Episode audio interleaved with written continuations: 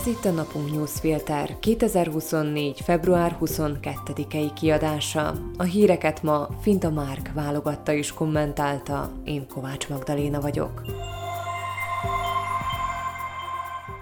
Mai témáink Ha a gazdák at mondanak, mondják ki a bét is. Önmagát hozza csapda helyzetbe a kormány. Így kerülheti meg Ficó az államfőt. Valóban nem égett semmi, és kirakatok sem törtek be minden idők legnagyobb szlovákiai gazdatüntetésén, épp úgy, ahogy azt Emil Maho, a szlovák mezőgazdasági és élelmiszeripari kamara vezetője megígérte. S azzal, hogy a nagyobb városok aszfaltját traktorkerekek taposták, valóban sokak inger küszöbét átütötték a gazdák követelései. Megtudta a kényes városi nép, miközben az autójában ült a lépésben haladó vagy álló forgalomban, és volt ideje kiguglizni, mi is az az ugaroltatás, és mi a gond vele. Az ízlésesen berendezett irodákban ülők kávéjukat szürcsölgetve és a közlekedési híreket hallgatva megtudták, hogy az agrárélet nem csak kemény munka a jó levegőn, hanem sok óra görnyedés az Excel táblák, a kérvények és a dokumentációk felett. A gyerekek nevetve tapsoltak az egyébként tényleg lenyűgöző látványt nyújtó traktorsornak, miközben anyu elolvasta, mi baj az ukrán termények behozatalával, apu pedig kiböngészte, hogy késnek az agrártámogatások. A többségnek mindez új volt, mert nem értenek az agráriumhoz, és sokan a kényelmetlenség ellenére abszolút szolidárisak voltak a gazdákkal, mert számukra is világossá vált, valóban gond van az agrárszektorral, és fájóan keveset beszélünk róla. Csak hogy vannak olyan dolgok is, melyek a tüntetésen nem hangzottak el.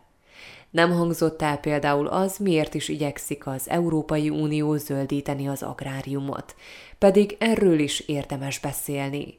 Az EU nem a gazdák önkényes vegzálása miatt szigorít a szabályokon, hanem azért, mert valahogy védeni kell a biodiverzitást, és biztosítani kell a fenntartható élelmiszerbiztonságot. Az erről szóló reformokat gyakran épp az a Kopakocseka nevű lobbycsoport fékezi, amely a legnagyobb gazdákat tömöríti, és amelyhez a szlovákiai tüntetést szervező SPPK is tartozik s épp az átlagosan több mint 400 hektáron gazdálkodó nagy gazdaságok a rugalmatlanabbak, miközben az átlagosan 20 hektáron gazdálkodó családi cégek azok, melyek jobban képesek védeni a biodiverzitást. Őket azonban a nagy gazdaságok igyekeznek kiszorítani. És hogy miért fontos erősíteni a környezetvédelmet és biodiverzitást? Elég válasz, hogy a gazdatüntetést minden idők legmelegebb februárjában tartották, mikor voltak olyan napok, amikor a hőmérséklet 10 fokkal volt magasabb a szokásosnál.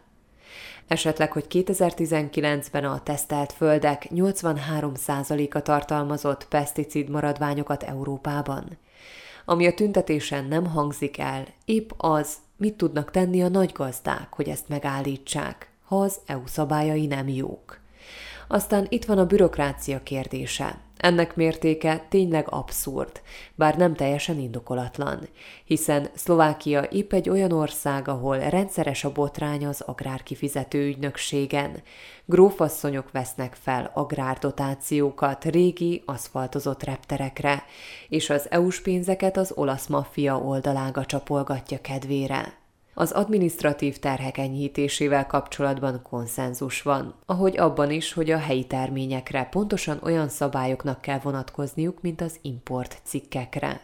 De mi a magyarázat arra, hogy az a miniszter, aki egyébként nagyban tudna enyhíteni a bürokrácián, vagy felgyorsíthatná a dotációk kifizetését, inkább maga is bepattan a szolgálati traktorba, hogy furikázzon egy kicsit a tüntetőkkel?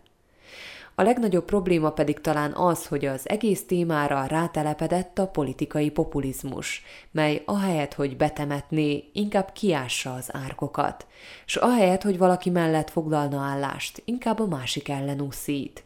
Pedig ennek az egésznek biztosan van konszenzusos megoldása, amit a gazdák és az EU együtt találhatnak ki, lepattintva magukról azokat, akik számára a politikai tőke vagy a gazdasági nyerészkedés a fontos ebben az egészben. Csak hogy ez nem magától értetődő. Vannak, akik ezt az egészet arra használják fel, hogy az Európai Uniót gonosz, öltönyös uborka görbület méregetők keltetőjeként, a nagygazdákat pedig idealizált, elnyomott farmerekként ábrázolják. S mindez fikarcnyit sem visz közelebb a megoldáshoz. Ezt pedig sajnos a becsületes gazdák és az átlagemberek is meg fogják szenvedni. Azt, hogy micsoda kozmikus káosz övezi a büntető törvénykönyv koalíciós módosítását, számtalanszor megénekeltük már. Ennek a káosznak a fokozásához járult hozzá most a kormány. Meghátrált, és most már visszaállítaná az erőszakos bűncselekmények elévülési idejét. A szuperszuverén, abszolút felkészült kormány a saját késébe szalad bele miután napokon át bizonygatták, hogy az erőszakos bűncselekmények elévülési idejének utolsó pillanatos módosítása teljesen helyén való, Csütörtökön elfogadták Boris Szuszko igazságügyi miniszter javaslatát, és gyorsított eljárásban fogadtatják el a parlamenttel az elévülési idők visszaállítását. Richard Glück, a Smer új üdvöskéje pedig most értetlenkedve vakargathatja a fejét. Ő volt az, aki azt mondta a parlamenti vitában, hogy a csökkentett elévülési idő majd motiválni fogja a megerőszakolt nőket, hogy jelentsék az erőszakot. Nyilván a Smer párhuzamos univerzumába is eljutott a hír, hogy az emberek mégsem annyira galamblelkűek, hogy egy ilyen égbe kiáltó ostobaságot benyeljenek. És rájöttek arra is, hogy a koalíció, mely annyira büszke a felkészültségére, voltak éppen végtelenül dilettáns képviselők helyett pedig szervilis gombnyomkodókat ültettek a parlamentbe. Ficó pedig beismerte, hogy a csapda, amit állított, visszafelé sült el, és nem csak Peter Pellegrini elnökjelölti esélyeit csökkentheti, hanem ne adj Isten még saját szavazóinak is lásik, hogy a büntető törvénykönyv módosítása. Voltak éppen egy hatalmas átverés, ami annak érdekében készült, hogy a mi embereink rendszerének prominensei mindent megúszhassanak. Kármentésbe kezdett tehát. Szuszkó javaslata valószínűleg gyorsított eljárásban megy majd át a parlamenten, és talán még a progresszív Szlovákia is megszavazza. A káoszt az fokozza, hogy a büntető törvénykönyv módosítása még továbbra sem jelent meg a törvénytárban, de már az alkotmánybíróságon vannak a felülvizsgálatát követelő beadványok. Szuszkóék Ficó utasítására húzzák az időt. Állítólag pontokat és vesszőket ellenőriznek a törvényben, hogy az alkotmánybíróságnak minél kevesebb ideje legyen foglalkozni vele. Amíg ugyanis nem jelenik meg a törvénytárban, addig nem tehet semmit. A miniszter új javaslata az eredeti március 15-i hatályba lépéssel számol. Ezt a módosítást tehát villámgyorsan át kell nyomni a parlamenten, majd elküldeni az államfőnek. Csaputovának azonban ebben az esetben is vétójoga van, és így Ficóék kerülnek időzavarba. Abban az esetben ugyanis, ha március 15-én egy másodpercre is hatályba lép az eredeti, rövidített elévülési időkkel számoló módosítás, akkor örökre elévülté válnak a régi erőszakos ügyek. Svicóikra ég az, amit nagyon nem akarnak. Ha ezzel az volt a cél, hogy megtorpedózzák az államfő és az ellenzék alkotmánybírósági beadványait, valószínűleg nem járnak sikerrel – az Alkotmánybíróság ugyanis megteheti, hogy a beadványok azon részével, melyek az erőszakos bűncselekmények csökkentett elévülési idejéről szólnak, nem foglalkozik. Ellenben ezzel egyel több indoka lehet arra, hogy felfüggesse a kaotikus módosítás hatályba lépési idejét, hiszen a kormány önmagának mond ellent, érvelési csapdába került, és azt sem tudja, mit akar. Kevés dolog bosszantja annyira Robert Ficót, mint az, hogy Zuzana Csaputová államfő nem nevezi ki Pavol Gáspárt az SZSZ élére. Csütörtök délután is fenyegetőzött egy sort, hogy meg lesz a módja annak, hogyan nyomják be az apja arcképét az alkarján hordó, ifjabbik Gáspárt a titkos szolgálat élére. Ficó napokon belül megoldást ígért. A kiszivárgott hírek szerint ezt egy különösen trükkös és sunyi módszerrel érheti el. Lehetőségekből kettő is van. Az egyik, hogy törvényt módosítanak és kiveszik Csaputová kezéből az SZSZ elnök kinevezésének lehetőségét, majd a kormányra ruházzák. Ezt utoljára Mecsiár csinálta meg, mikor Iván Lexát nevezte ki az SZSZ élére. Megkerülve Mihály Kovács akkori államfőt. Ezt a lehetőséget azonban Peter Pellegrini megtorpedózta, részben azért, mert ez árthat a kampányának, részben pedig azért, mert ha államfő lesz belőle, tulajdonképpen saját kompetenciáinak szűkítésébe menne bele. S itt kerül elő a második lehetőség. Az SZSZ-t jelenleg Tomás Rulisek igazgatóhelyettes vezeti megbízottként. Tegyük fel, hogy ő ezt már annyira nem szeretné csinálni, s így elég lenne megváltoztatni az SZSZ statútumát úgy, hogy igazgató helyettesként átruházhassa vezetői kompetenciáit egy másik igazgató helyettesre. Mondjuk épp Pavol Gáspárra, aki hirtelen beléphetne az SZSZ-hez, és a szomár létrát villámgyorsan letudva igazgató helyettes válna belőle. Schmidt Isten a SME napilap értesülései szerint a minap épp történt is egy statútum változtatása titkos szolgálatnál. Hogy pontosan miről van szó, nem tudni. Titkosított formában hagyták jóvá. A lapnak pedig nem sikerült többet megtudnia a változtatásról, az SZSZ kitérően válaszolt. Így mindez csak elmélet. Fico azonban sok szálon futó játékot játszik, és láthatóan egyre agresszívebb. Most még helyenként ad a látszatra, de láthatóan nehezen fogja vissza magát. Megeshet persze, hogy beletörődik, hogy Gaspárt nem lesz olyan egyszerű betolnia az SZSZ-hez, és jegeli a témát.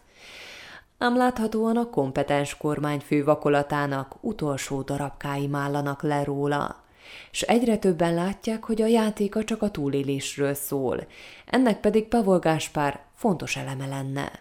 Nem csodálkoznánk, ha nem tudna önmegtartóztatást tanúsítani, hiszen ez a trükk annyira sunyi, hogy szinte csábító.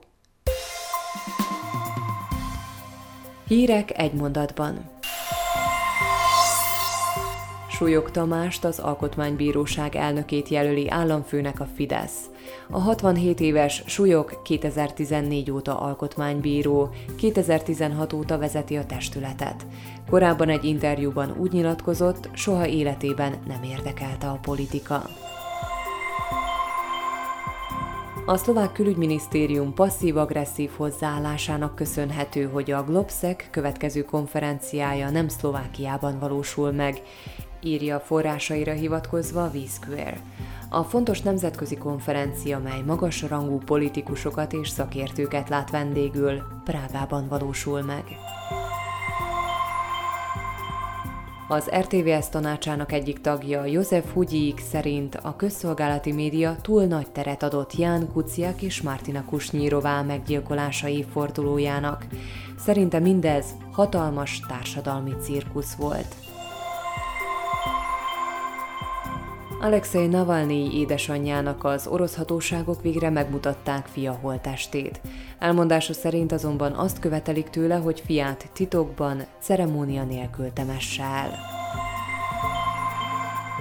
Az Európai Unió leveszi a szankciós listáról József Hambáleket, az éjjeli farkasok putyinista motoros klub szlovákiai összekötőjét. Hambálek jó kapcsolatokat ápol a szmeres politikusokkal, elsősorban Robert Kalinyákkal. A listáról való eltávolítását Robert Fico követelte. Martina Simkovicsová kulturális minisztert ma a parlamenti kérdések óráján az Abu Dhabi látogatásáról kérdezték. A miniszter szerint nem volt ideje üzletekbe járni, és nem próbálták ki a tengerparti strandokat sem. A Fidesz LP lista vezetője Dajcs Tamás lesz, ő veszi át a közéletből távozó Varga Judit megüresedett helyét. Varga Judit volt férje, Magyar Péter szerint ez rossz hír a jobboldali szavazóknak. A mai napunk newsfilter híreit válogatta és kommentálta Finta Márk. Én Kovács Magdaléna vagyok, a Viszonthallásra holnap.